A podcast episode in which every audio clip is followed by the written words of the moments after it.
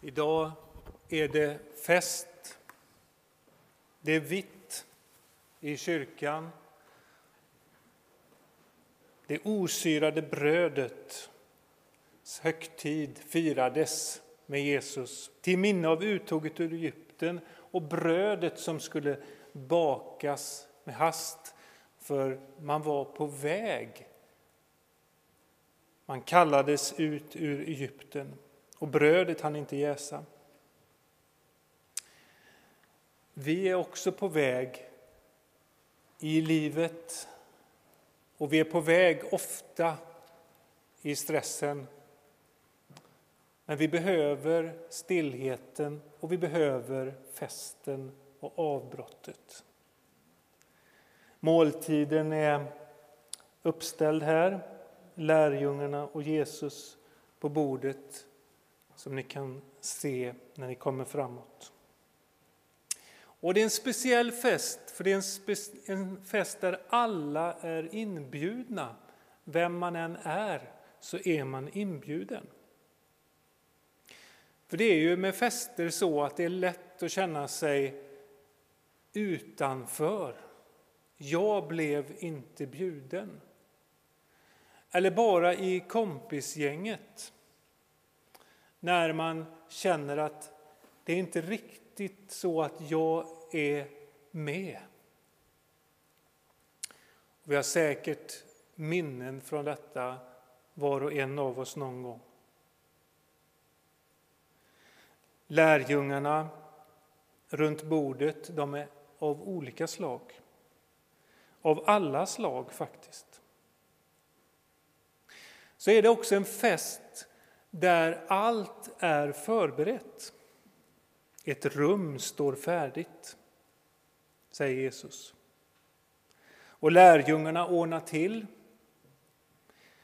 som vi gör när vi tar fram inför mässan, när vi gör, springer runt lite grann yra och i sista sekund kanske ibland kommer på att vi har glömt något. Vi ordnar och vi fixar och gör fint. Men den stora förberedelsen är redan klar. Jesus är med och han vill ge av sig själv till dig och mig ikväll. Han vill ge av sig själv till sina lärjungar. För han är ju själv huvudmåltiden. Han är kroppen och blodet som utgjuts för oss. Det finns inget lamm, inget påskalamm vid måltiden som eh, man har stekt eller grillat. Bara Jesus själv är där. Och detta är Gud. Det är Gud. Den som älskar så att han offrar sig själv, offrar sitt liv för oss. Fotatvagningen som vi kan få vara med om här snart. Nattvarden säger samma sak om Gud. Hur Jesus, hur Gud ger sitt liv och betjänar människan fullt ut. Du och jag kanske säger det låter lite spacigt, allt det där. Det låter lite strange. Är Gud verkligen så? Är Gud så kärleksfull? Ja.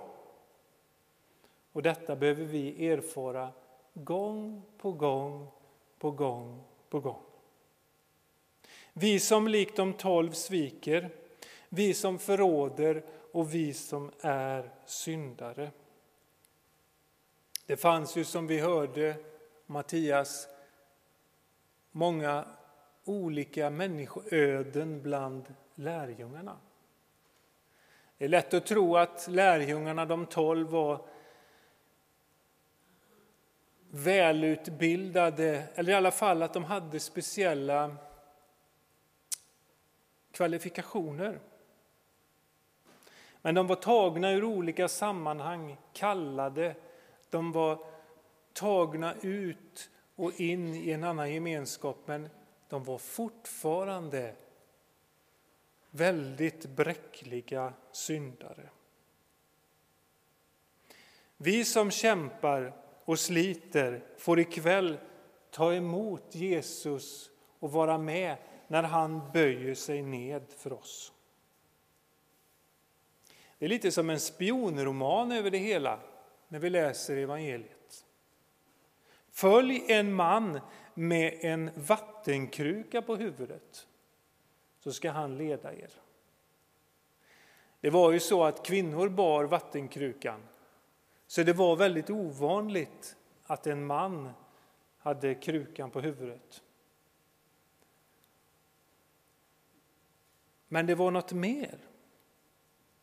Gud visar vägen på så många olika sätt. Och lärjungarna som gick före behövde tro det här och gå efter mannen med vattenkrukan. Petrus fick uppleva detta i förnekelsen och upprättelsen efter påsk. Då kunde han förstå och ta emot på den märkliga vägen till det verkliga mötet med Jesus. Gud talade till Mose i en brinnande buske och fick sin kallelse på nytt.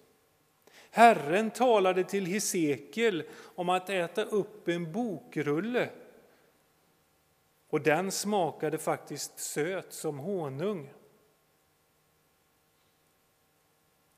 Gud är annorlunda. Gud, han talar på annorlunda vis och han gör annorlunda saker. Men mitt i bedrövelsen, mitt i ensamheten, mitt ibland frågorna så visar Gud en väg för varje människa. I Jesus ger Gud sig själv. Brödet bryts och det räcker för alla. Och vi tänker, vem kan tänka ut en sån här tanke att brödet ska räcka för alla? Vem kan tänka att om jag bryter brödet så räcker det för alla människor genom historien som tar emot? Det är ju bara Gud som kan tänka ut en sån tanke. Det är bara Gud som kan ge en sån gemenskap och en sån föda som kan finnas för alla. Ikväll blir vi alla en helig kropp. En helig kropp som har samma Herre och samme Gud ikväll. En kropp som får ge vidare det som Jesus gjort till alla dem som hungrar och törstar. För när vi tar emot, då kan vi inte annat än ge vidare. Det föds här inne någonting när vi tar emot betjäningen av Jesus som automatiskt går ut. Guds kärlek övervinner döden. Den är starkare än döden. Och detta är det evangelium som världen så väl behöver. Låt oss ta emot Jesus och bli betjänade av honom. Ära vare Fadern och Sonen och den helige Ande nu och alltid och i evigheters evighet. Amen.